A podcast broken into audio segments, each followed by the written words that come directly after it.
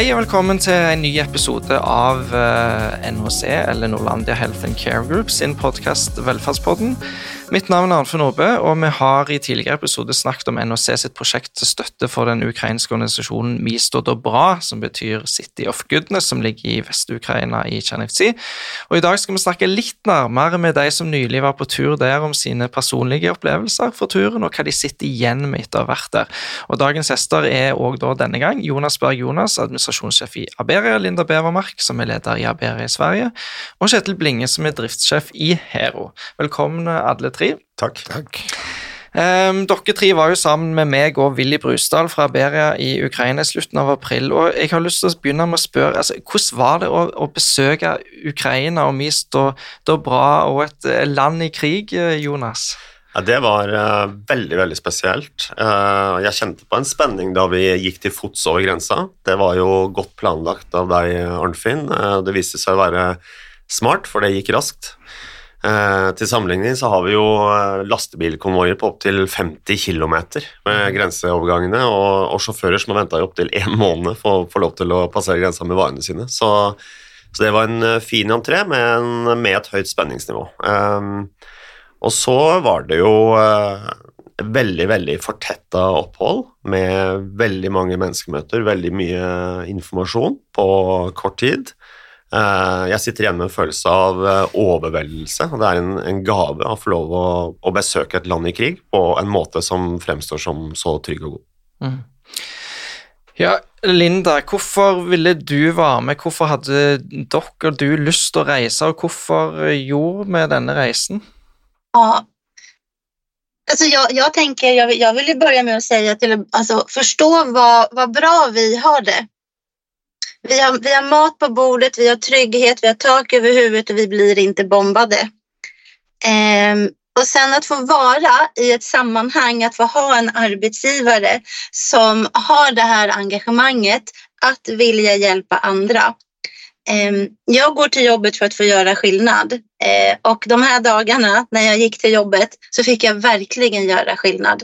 Mm. För mig är det det det handlar om. Mm. Innan eh, vi åkte så pratade jag med Trine Backeli som är, är, min närmsta chef och jag frågade henne vad var hennes varför eh, till att vi skulle engagera oss i det här projektet.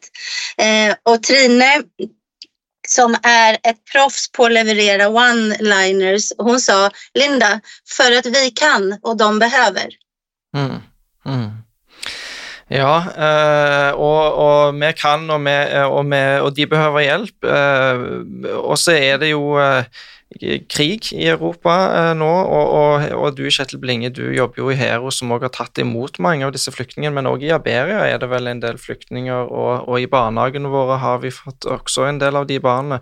Så det er òg tett på oss, eh, og, og, kan jo si det veldig kort at vi snakket om det i den forrige episoden, om, om og Dobra, alt det arbeidet, det fantastiske arbeidet de gjør, eh, og, hvordan vi forsøker å, å få organisasjonen òg igjen å se til å være med nå alle våre selskaper og avdelinger til å gjøre en, en sånn innsamlingsaksjon da, for uh, arbeidet i, i Ukraina. Uh, men, men, for å gå litt tilbake til, uh, til denne selve turen, da, disse personlige opplevelsene deres. Miso Dobra ligger jo i byen Tsjernivtsi i sørvest- eller vest-Ukraina, ved grense til Romania. så Du snakket om å gå over grensa, Jonas. men, men Kjetil, det var jo bare en liten time vel til, fra grensa til Eller halvtime var det vel bare mellom grensa til byen Tsjernivtsi. Ja, det var jo ikke lange strekningen. altså Vi kjørte gjennom et uh, jordbrukslandskap med noen gårder og noen jorder og åser, og fikk litt sånn Toskana-følelse når vi kjørte gjennom der sånn. Og tenkte mm. egentlig ikke på at vi var i et land i krig, selv om det lå jo i bakhodet. Vi er jo faktisk, eller var faktisk i et land i krig. Så det var uh, interessant, spennende og litt sånn eh, ja, uro i magen, men eh, det roa seg veldig fort når vi kom fram. Mm. Og Byen Chanivsi, hvor stor er den, og hvordan eh, var den byen, Jonas? Den er jo på størrelse med Bergen. Så er den jo også blitt en del større pga. krigen. Folketallet har økt fra ca. 250 000 til 350 000. Hvorfor? Nei, det er fordi folk trenger et sted å være. Og det oppleves som en litt tryggere del av landet, da, kanskje? Ja, det er klart at uh, har jo ikke hatt uh, noen direkte granatnedslag eller angrep med fly eller slike ting uh, under krigen i det hele tatt. Så det oppleves nok som, for ukrainere som, uh, som, ganske fredelig, men de lever jo med en konstant trussel i, og det er jo alltid en risiko i et land. Men den er nå lavest i det området her, da. Men luftvernsirenene går og, og går, og de har lært seg sine metoder for å ta vare på seg selv. Ehm, i et trykk som nå har vart da i 14-15 måneder, eh, og som kommer til å vare. Det var en ganske vakker by òg? Ja, og det var, det som var så veldig positivt, at dette her er jo en by som i sin tid var en del av det østerriksk-ungarske riket, sånn at her var det jo mange flotte bygninger historiske bygninger. Selvsagt ganske nedslitt. Eh, det har jo ikke vært eh, så godt eh, tatt vare på. Håper at når Ukraina kommer på andre siden av denne krigen, at de faktisk får midler til å kunne restaurere og sette i stand noen av disse bygningene, for det er virkelig en vakker by. Eh, men sånn som det framstår nå, med litt slitte bygg og dårlige veier, så hadde jo ukrainerne selv litt humor på dette mm -hmm. og sa at russerne trenger ikke å komme hit, vi har ødelagt det selv. Ja. så hadde vi en fantastisk eh, guide og tolk som het eh, Vlada, som er derfra. Hun snakker flytende engelsk, og hun fortalte oss jo mye om det kulturhistoriske som Kjetil er inne på. arkitektur. Eh, det er vakkert, eh, men de er vant til et type folkeliv og slike ting som, som de ikke har i dag, bl.a. fordi det er portforbud fra midnatt til klokken fem hver natt. Så det setter jo sitt preg på hverdagen i denne byen. Mm. Men følte dere dere trygge? Ja, jeg, jeg, mig aldrig eh, otrygg och jag tror at det hadde jättemycket å gjøre med også hele den her viben og energin som, som det var i, i staden eller, eller i byen. Eh, även fast flyglarmet gick så, så fortsatte folklivet. Så varför skulle jag känna mig otrygg när ingen, när ingen annan gjorde det eller vi, visade tecken på det? Nej. Jag vill bara gå tillbaka lite till just den här energin och viben som jag upplevde i staden. Ehm, det tror, tror jag i alla fall bygger mycket på att det är väldigt många olika nationaliteter som, som, som bor här och det är många olika språk, många olika religioner och kulturer som samsas i den här byn. Och det bidrar ju såklart till till, till viben mm. som, som, eh, som jag säger.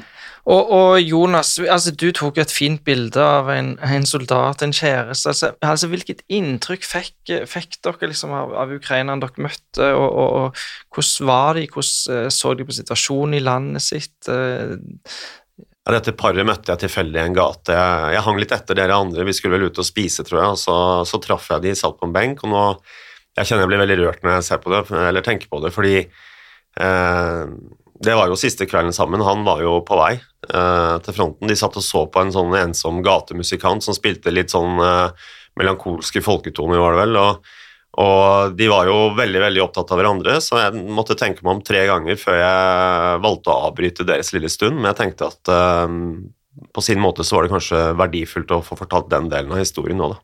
Mm. Uh, unge mm. mennesker som er veldig, veldig prega av, eh, av, eh, krigen.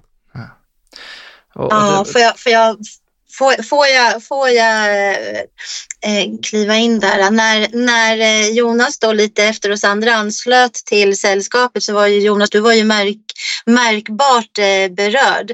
Och då började vi prata lite kring att, ja men hur gör man? Liksom, hur gör man när man ska eh, skiljas åt? Säger man hej då eller ja, hur gör man? Mm. Och landade väl kanske i det att nej, man säger inte hej då. Man bara går på tåget mm. och åker till kriget. Vi får håpe de møtes igjen. Um, hun var jo, Du nevnte hun tolken Vlada. Hun, hun, fortalte jo det, hun er 27 år, men hun, sa, hun har ennå ikke blitt mobilisert, men ble jo det, så gikk hun i krigen, sa hun. Så dette var et folk som var, var Ja. Ja, sånn bare trekke referanser tilbake til, eh, til Mista Bra som vi besøkte den andre dagen der, sånn, så var det faktisk et ektepar der som var der som for å adoptere et av barna. Mm. Eh, og da skulle de reise rett fra eh, barnehjemmet til Odessa, til foreldrene, og liksom Her er barnebarnet deres. Mm. Og så skulle han dra i krigen. Mm. Ja, det er også ganske tøft. Mm. Du adopterer et barn, og så drar du, og du vet jo ikke om du kommer tilbake. Mm. Så det og jeg har jo sånn, eh, etter at vi kom hjem, eh, eller ganske, mens vi var der, så tenkte jeg at jeg skal skrive mitt personlige reisebrev fra denne turen.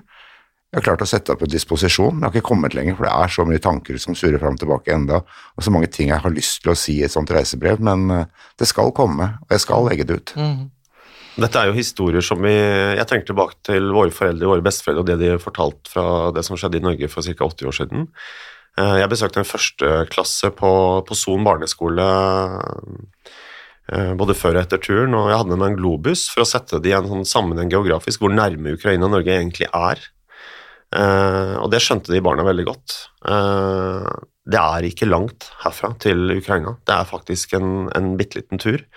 Og de lever under et terror, terrorregime nå, eller en terrorvirkelighet, eh, som er helt forferdelig. Og hun fantastiske guiden vår, hun, hun ville jo krige, hun ville slåss. Vi spør hva er det Ukraina trenger fra Norge, og svaret er våpen. Vi trenger våpen.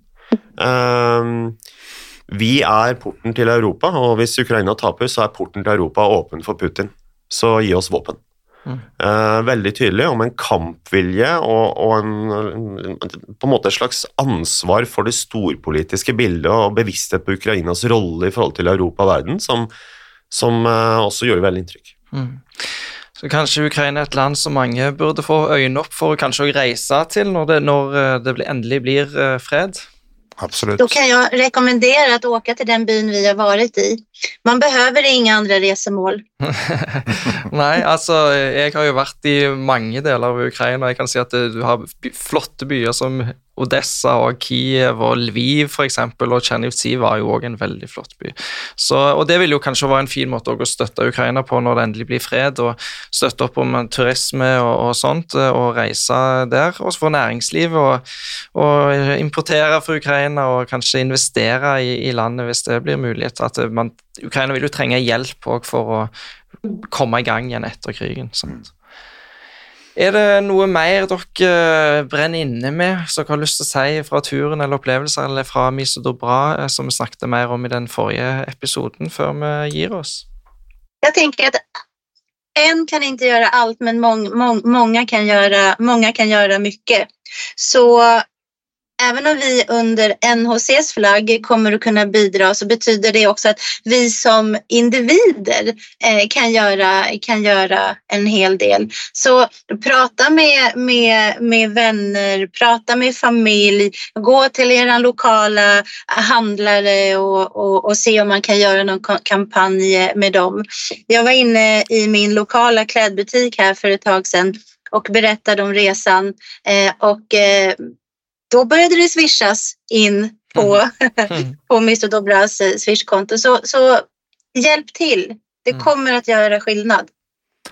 Ja, og jeg har jo skrevet og lagt ut ting på min egen eh, Facebook-side. Jeg tenker at uh, i hvert fall så mine venner og kjente får sett dette her sånn, og bedt og oppfordret de om å dele dette her videre med sine bekjente videre. Så jeg tenker at uh, ja, det er riktig som du sier, Linda. Én kan ikke gjøre alt, men alle kan gjøre noe. Er kanskje litt store ord, men eh, Europas historie og framtid, den, eh, den skapes jo nå. Den skrives jo nå. Eh, og kunnskap er, kunnskap er makt. Vi har kampanjer med, med QR-koder og VIPS og Swish og det som er på våre hjemmesider, og det, det vil hjelpe barn i krise, som, er, som er veldig viktig. Men det hjelper også, som Kjetil sier, snakk om det og gjør folk bevisste på det. Mm. Og, og når dere nevner disse Vipps-nummer, så kan jeg jo kort si at NHC sitt Vipps-nummer er til støtte for Miso Dobra sitt veldig viktige arbeid for krigsramma barn i Ukraina. Det er 80 95 84, og Hero sitt er 80 80 44, og Aberia sitt er 80 80 58. Og så har òg Norlandia Barnehagen og, eh, og Aurora og Care de har òg egne, bare så det er sagt. også det, men siden dere var gjestene her i dag, så nevnte vi dere spesifikt. Og du kan jo nevne kjapt, eh, litt lenger det i Swish, men du får si det kjapt, Linda. Linda. Eh, vårt swishnummer er 123 301 7910. Ja, flott. Ok, med det så tror jeg vi takker for denne gang. Takk for at dere ville komme, Kjetil Blinge, Linda Bevermark og Jonas Berg Jonas. Takk skal du ha. Takk skal du ha. skal ska du ha, Arnfinn. Takk. Og takk til deg som lytta. Vi kommer snart igjen med en ny episode. Ha det godt så lenge til vi høres igjen.